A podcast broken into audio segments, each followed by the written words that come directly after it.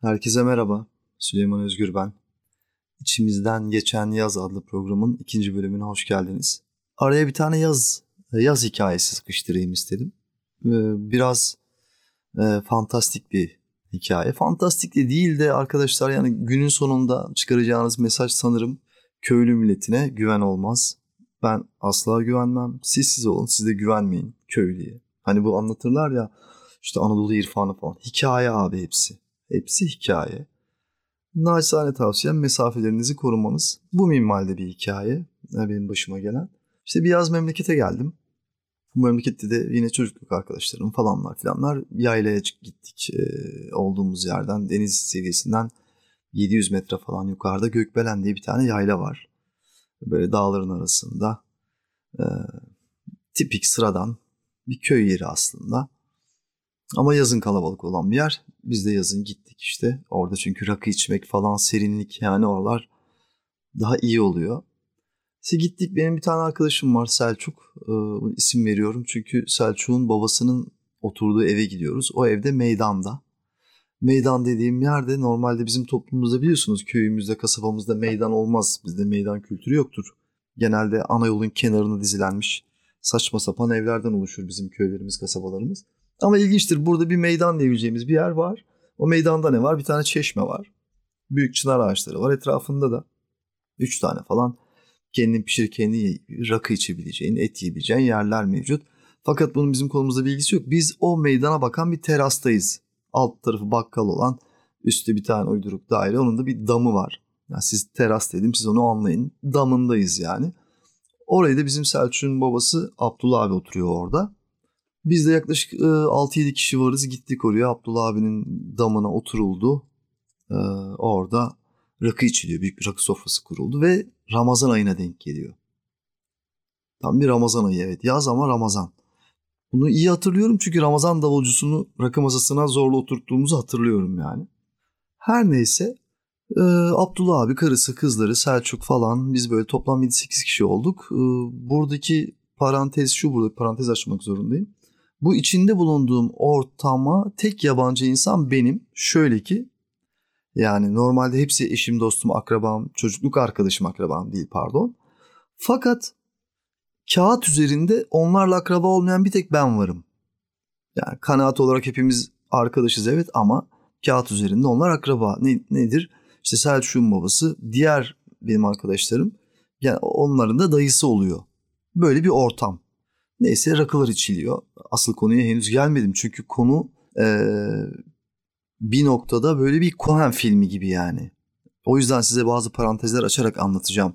Yani bu verdiğim örnek e, yani niye onlar kuzen, niye dayımayı bu örnekleri ver, yani niye verdiğimi birazdan anlayacaksınız siz de. Neyse biz rakılar içiliyor. Çok güzel muhabbetimiz var. Çok eğleniyoruz. Gece 12 gibi yani bizim o genco tayfa dedi ki bir aşağı inelim. Bir turlayalım yani çok oturuldu. Hep hiçbir sebebi yok. Çıktık dolandık ta- tekrar aynı eve geri geliyoruz 12.30 gibi falan kapının önünde Mevlüt diye bir adamla karşılaştık. Mevlüt e, şey aynı ortamın içinde bulunduğumuz Serdar ve Hasan'ın amcası. Şimdi Hasan kendi amcasını görünce tabii çok heyecanlandı. Bu adamın yanında karısı ve 12-13 yaşlarında bir tane çiğ sarı yeşil gözlü bir tane yörük çocuk var. Bunlar belli ki zaten yöre köylüsü ki Mevlüt'ü hepimiz tanıyoruz aslında teknik olarak. Onu da bir ayrı anlatacağım nereden tanıdığımı. Tabii Hasan amcasını görünce Hasan'la Serdar çok heyecanlandılar. Amcayı, amcayı da yukarı davet ettiler. Yani dayılarının masasına amcalarını çağırdılar. Normalde onlar akraba değil yani teknik olarak yani başka uzantılar yani. Akrabalık bağını kuran çocuklar. Her neyse Bunlar yukarı geldiler. Adamın zaten mevlidinde kafası iyi. Zaten o da sarhoş. O da yukarı çıktı. Aynı masaya oturuldu. Onlar da masaydı. Zaten 7-8 kişiydik olduk 10-11 kişi. Hala rakı içilmeye devam ediliyor. Fakat burada bu konuya bir parantez açmak istiyorum. Şimdi şöyle bir şey var. Ee, bu önemli bir detay. Normalde e, Serdar ve Hasan kardeşler babalarını çok erken yaşta kaybettikleri için onlar daha küçükken yani bunların babasının kardeşi yani o Mevlüt. Bunların yani Serdar ve Hasan'ın o köyle yani o babasının tarafı akraba ilişkileri zayıf kalıyor. annesinin tarafına olan ilişkileriyle. Dolayısıyla onlar amcalarına göre dayıya çok daha yakınlar. Yani neredeyse baba niyetine bir adam. Abdullah abi de böyle post büyüklü, dev göbekli, rahmetli, devrimci, eski komünistlerden şen şakrakta bir adam yani Abdullah abi. Gerçekten çocuklar da ona o saygıyı gösteriyorlar yani dayıları ama aynı neredeyse babaları ayarında bir adam. Fakat şöyle bir detay var. Ee, ben o günlük konuşmalarda falanlarda şöyle bir şey kulağıma çalındı. Haber değeri taşımasa da. Ha şöyle bir şey var yani bir bilgi var bende. Yani onlar kendi aralarında konuşurken öğreniyorum. Bu Hasan'la Serdar'ın e, doğup büyüdüğü köydeki gün dönmüş dolanmış bazı arazi satışları falanlar filanlar tarla tapan işleri devreye girince böyle bir gündem var orada. Yani ve o zamana kadar hiç piyasada olmayan Serdar ve Hasan bir anda o köydeki arazilerin ortağı oluveriyorlar teknik olarak. Böyle bir bilgi buradan da bir sıkıntı olduğunu arada ben kulağıma çalınıyor. Her neyse. Adam zaten sarhoş demiştim ya. Bana da yakın oturuyor. Yine neşeli muhabbet devam ediyor. Size birazdan Mevlüt'ü ben nereden tanıyorum ona geleceğim. Ama önce muhabbet devam ediyor, akıyor, şarkılar söyleniyor falanlar. Saat iki buçuk gibi Ramazan davulcusu davul gümbürdemeye başladı aşağıdan. Davulcuyu yukarı çağırdık. Davulcu dediğimizde zaten abdallardan yani yörenin. Tanımadığımız bir adam değil vay falan filan dedi. Para kazanacak herif. Adamı ayarttık yani. Herif oruca kalkacakları değil de geldi bizim masamıza oturdu. Ya da gasp ettik adamı gibi de bir şey oldu. Davulda gelince daha çok neşelendik. Şarkılar, türküler. Bu kalabalığın içinde bu Mevlüt denen adam bana döndü dedi ki bana diyor ama bunu. Bir tek ben duyuyorum. Ya sana bir şey söyleyeyim mi dedi. Söyle abi dedim. Cılbayırlılar Kopçalıları siker yalnız dedi. Şimdi bakın kop şey Cılbayırlılar Kopçalıları siker yalnız dedi bana. Burada bir parantez daha açıyorum. Şimdi bu adamın Cılbayırlılar dediği bir Cılbayır bir köy. Birazdan zaten olayın e, oraya doğru sirayet edecek olan olayın geçtiği yer. Bulunduğumuz yere bir 5 kilometre falan mesafede yani aramızda bir dağ var. Dağın öbür tarafında bu Cılbayır denen yer. Bunlar o Cılbayırlı yani asılları orası aslında evet aşağıdalar deniz kıyısı ovadalar çiftçilik yapıyorlar falan ama özleri orası yani. Onu bir Cılbayırlılık diye bir şey var kendi aralarında köylü kafası işte. Ha bana niye e, Cılbayırlılar Kopçalıları sikiyor? O kısmına geliyorum. Burada da Mevlüt'ü nereden tanıdığım. Bir parantez daha açıyorum.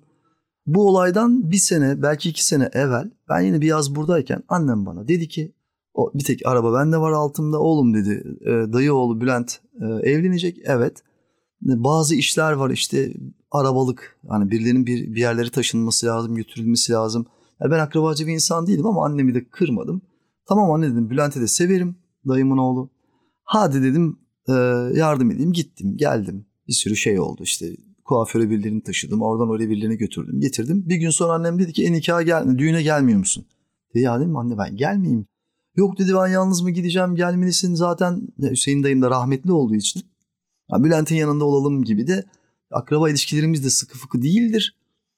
Tamam dedim anne peki geleyim dedim ya ne olabilir ki dedim yani.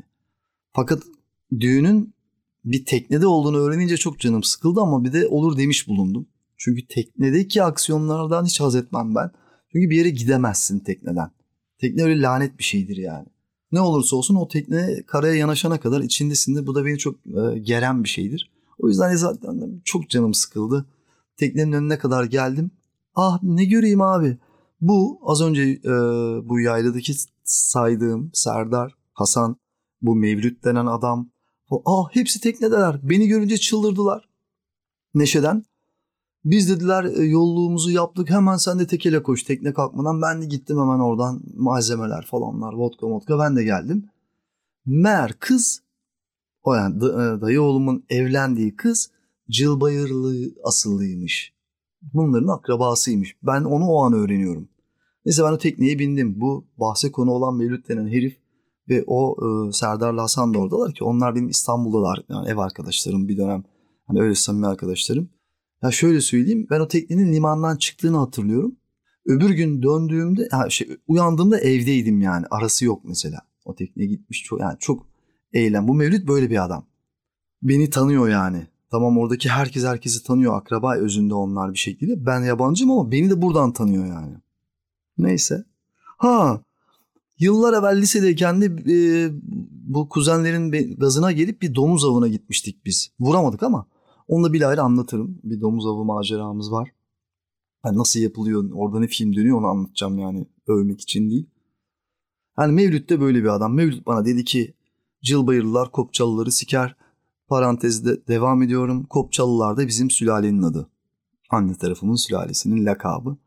Çok mu falanlı bir sülale? Yo. Gayet sıradan herhangi sülalelerden bir tanesi işte. Adam kendi bölgesiyle e, bize hani öyle bile bir şey söyledi ki herif. Ben böyle anlamadım yani. Durup dururken bana dedi ki Cılbayırlılar Kopçalıları siker yalnız. Allah ben de güldüm. Öyle benim de kafam güzel tabii.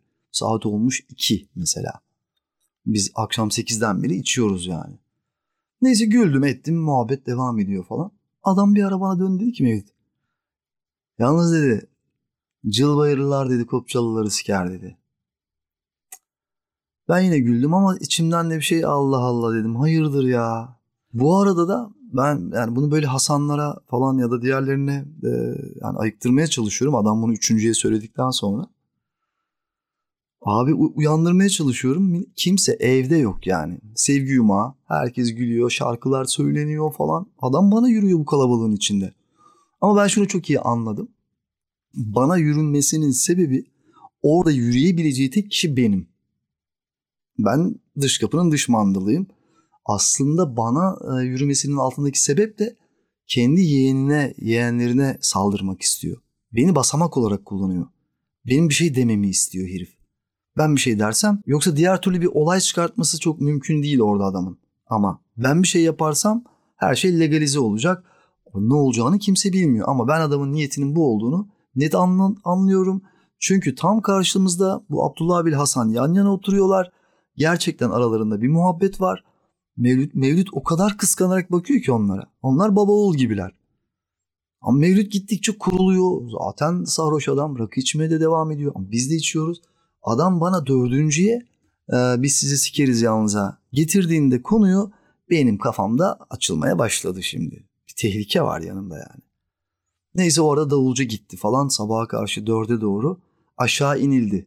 Nedir biz de indik. Hadi olay olmayacak yani adam beni birkaç zorladı ama ben de çok oralı olmadım işin açığı. Aşağı indik. Bunlar biz 30 kilometre bir mesafede deniz kıyısına yani memlekete aşağı kıyıya ineceğiz yani biz. Üç araba falanız. Bu Mevlüt denen adam karısı ve çocuğu da dışarıda.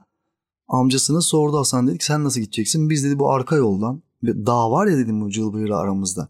Normal bir yolu var oranın. Asfalt yoldan gidiyorsun. iniyorsun bayağı sonra. Daha bir do- dolanma yolu var. O zamana kadar hep duyduğum ama görmediğim bir de ormanın içinden geçen bir yol var. O Cılbayır denen mezraya giden bir yer. Okey.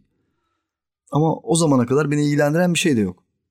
Neyse Hasan dedi ki e dedi amca sen bu kafayla bu arabayı kullanamazsın. Nasıl olacak? Dedi ki çocuk kullanır. Çocukla kullanırım diyor zaten. 13 yaşında.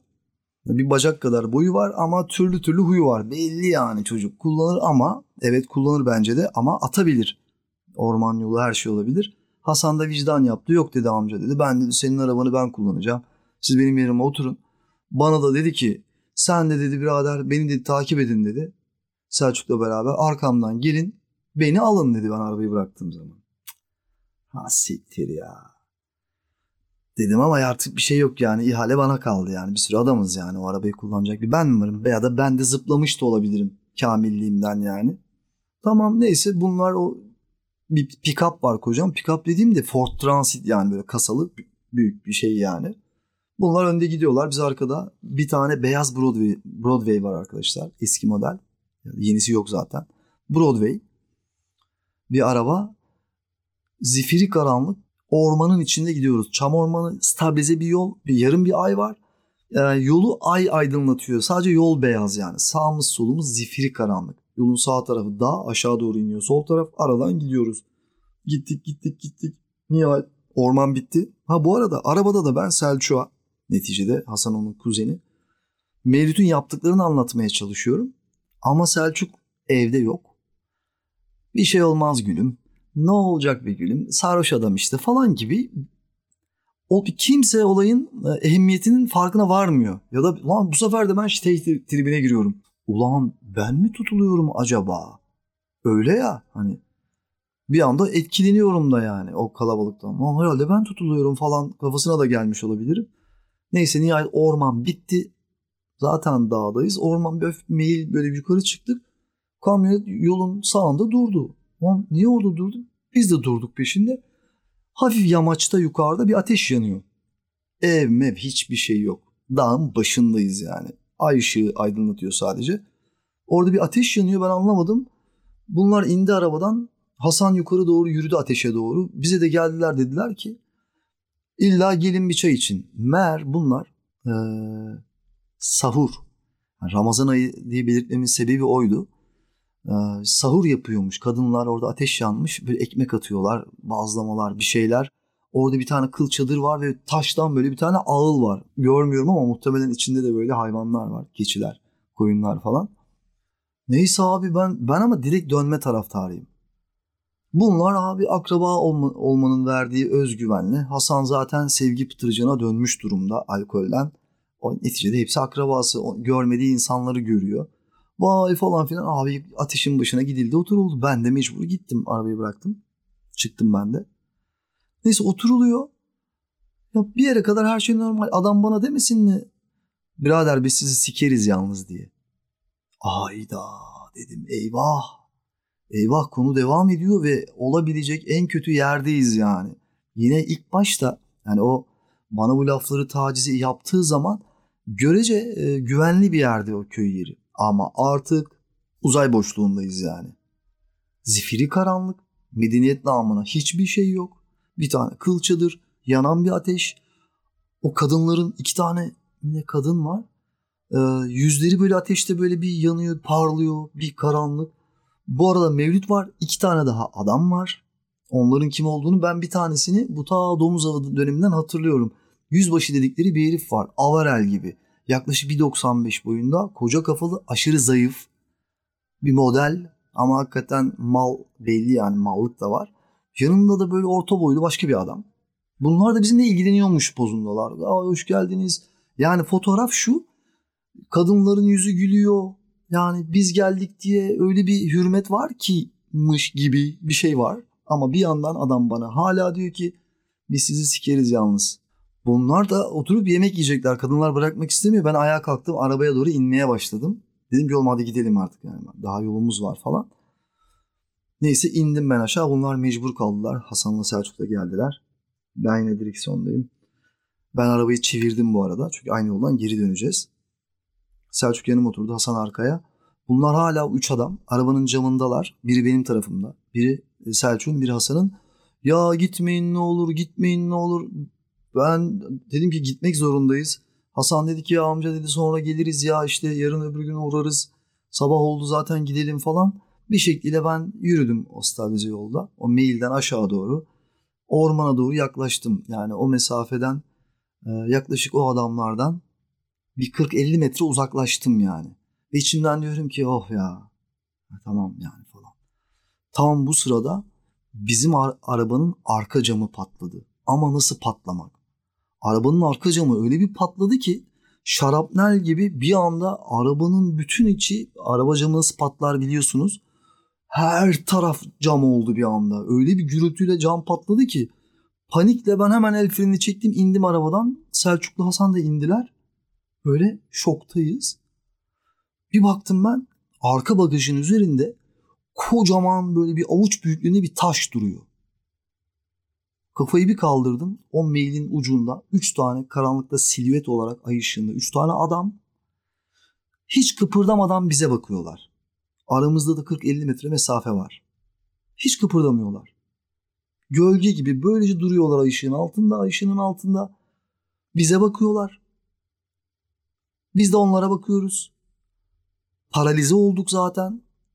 Yani orada ne olacağını yani arkadaşlar yani or, orası olabilecek en kötü şeyler oluyor. Dağın başındayız yani. Yani oraya jandarma çağırsan 4 saat sonra gelir bulursa seni bulabilir. Bir yer saçma sapan bir yerlerdeyiz yani. Adamlar hiç tepki vermeden bizi izliyorlar. Ben dedim ki Binin dedim arabaya. Onlar olayın şokuyla çünkü ne olacağını o an çok iyi biliyorum yani. Dedim ki binsene dedim Hasan arabaya. Hasan bindi, Selçuk bindi, ben bindim. Ben gazladım devam ettim abi. Ben yürüdüm yani. Hasan bu sırada o paralize geç. Bunlar ama arkadaşlar saniyeler içinde oluyor. Hasan o ara o şoku atlattı. Dur demeye başladı bana. Bu nasıl olabilir ve sinir krizi geçirdi. Ben durmuyorum. Hasan dur dedikçe ben o stabilizede açıyorum gazı. 70-80 dönüyorum. Peşimizden gelme ihtimalleri var. E ne olacağına dair hiçbir fikrim yok. Her şey olabilir. E hiçbir şey de olmayabilir ama bizi öldürüp gömedebilirler yani. Ve öyle bir şey var bir ortam. Yani oradaki o neşe, o kadınlar, hangisi ne kadar olayın içinde hiçbir fikrimiz yok. O mesafeden o taşı nasıl attın o cama be abi sen zaten. Ya kocaman taşı nasıl fırlattın abi? Nasıl arka cama denk geldi ya tam? İnanılmaz bir mesafe 40 metreden o taşı at desem atamaz ya. Hiç kıpırdamıyorlar. Put gibi ya. Durmuş bize bakıyorlar. Herhalde bizden bir tepki bekliyorlar. Adam zaten en baştan beri benden bir tepki bekliyor bir tanesi de. Diğer ikisi de ondan yana yani. Hangisi fırlattı taşı bilmiyoruz. Hani hangisi yaptı onu? Orada kadınlar falan zaten onlar yamaçta yukarıda kaldıkları için şahit oldular mı olmadılar mı bilmiyorum ama o araba camının patlama gürültüsüne onların da haberi olmuştur yani. Hasan tabii hemen dur bunu bana nasıl Hasan sinir krizi geçirmeye başladı. Bunu çünkü gerçekten o taşın geldiği yerde kendi yeğeni var adamın. Hani ben yine şeydeyim yani. Bana gelme ihtimali yok o taşın. Taş geçebilse camı zaten Hasan'a vuracak yani. Ama öyle bir patladı ki her tarafımız cam oldu yani. Arabanın içi her taraf. Hasan sinir krizi geçiriyor. Selçuk şokta. Ben son gaz. Hiç durmadım. Onların ne beklediğini biliyorum yani. Ben bir şey söyleyeyim ya da bizden bir şey. Hasan zaten ben hadi bin demesem o şeye dönecek olay. Hasan direkt mevzuya gidecek yani ve biz yandık yani orada. Adamların sahasındayız. Dağ başı. Dağlılar yani. Neyse ben ama bunların Hasan'ın baskısına rağmen arabayla başlangıç noktamıza geri döndüm. Dediler ki Abdullah abi yani Selçuk'un babası Hasan'ındaysa onu uyandırmayalım. Uyanırsa olay büyür. Dedik ki tamam bu olay dedik aramızda kalsın. Başka türlü yani bu gece çözülmesin bu olay.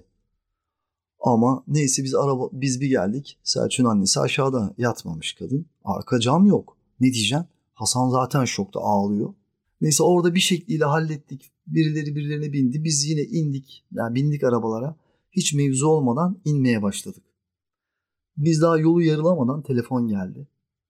Dediler ki Abdullah abi uyanmış. Olayı öğrenince çıldırmış. Silahı almış. Oraya doğru gidiyormuş. O orman yolundan gidiyor. Hayda. Abi. Bu sefer tabii e, diğerleri de e, kuzenleri olduğu için bunlar da dediler ki sen de oraya dön. Yine ben direksiyondayım. Camı patlak arabayla gidiyoruz. Bu sefer normal yolundan gittim. Yani asfalt yoldan o belli tabelalı yolundan. Gittim gittim. Hani daha önce anlatmıştım ya böyle bir mailin e, ucundan mail yokuş çıkmıştım. O olayın tam tersi yönünden geldim yani. Zaten bir geldim ben olay var orada. Ben 150-200 metre kala durdurdum arabayı. Dedim ki bunlara baba ben oraya gelmem. İsteyen dedim gitsin insin. Gidelim ben sizi burada bekliyorum dedim. Çünkü gitmek istemiyorum yani akraba. Hepsi akrabalar. Ve ben araya kaynayacağım yani. Neyse arkadaşlar. Böyle saçma sapan bir mevzu ne oldu? Orada silahlar patladı. Evet bir şeyler oldu. Kadın o kadınların çığlıkları bana uzaktan gelen sesler. Sonra anlatılanlar ne oldu? Hiçbir sik olmadı. Yani evet onlarla küstüler. Onunla konuşmuyor bilmem ne. Ama biz bu kafaları yaşadık yani. Ben de bir daha tövbe ettim oraya gitmeye yani. Arkadaşlar böyle sissiz olun köylüye, e, cahile, özellikle köylüye güvenmeyin. Gerçekten güvenmeyin. Ne olacağı gerçekten belli olmaz yani. Ve çok gaddar olduklarını, yani çok şeylerine şahit oldum. Yani bunu sizinle bir anekdot olarak paylaştım yani naçizane. Mesafenizi koruyun yani. Diyeceğim bu kadar. Ee, arkadaşlar bu epey uzun bir sohbet oldu. Bu konuyu burada kapatalım. İçimizden geçen yazı burada sonlandıralım. Dinlediğiniz için teşekkür ediyorum. Çok öpüyorum. Hoşçakalın.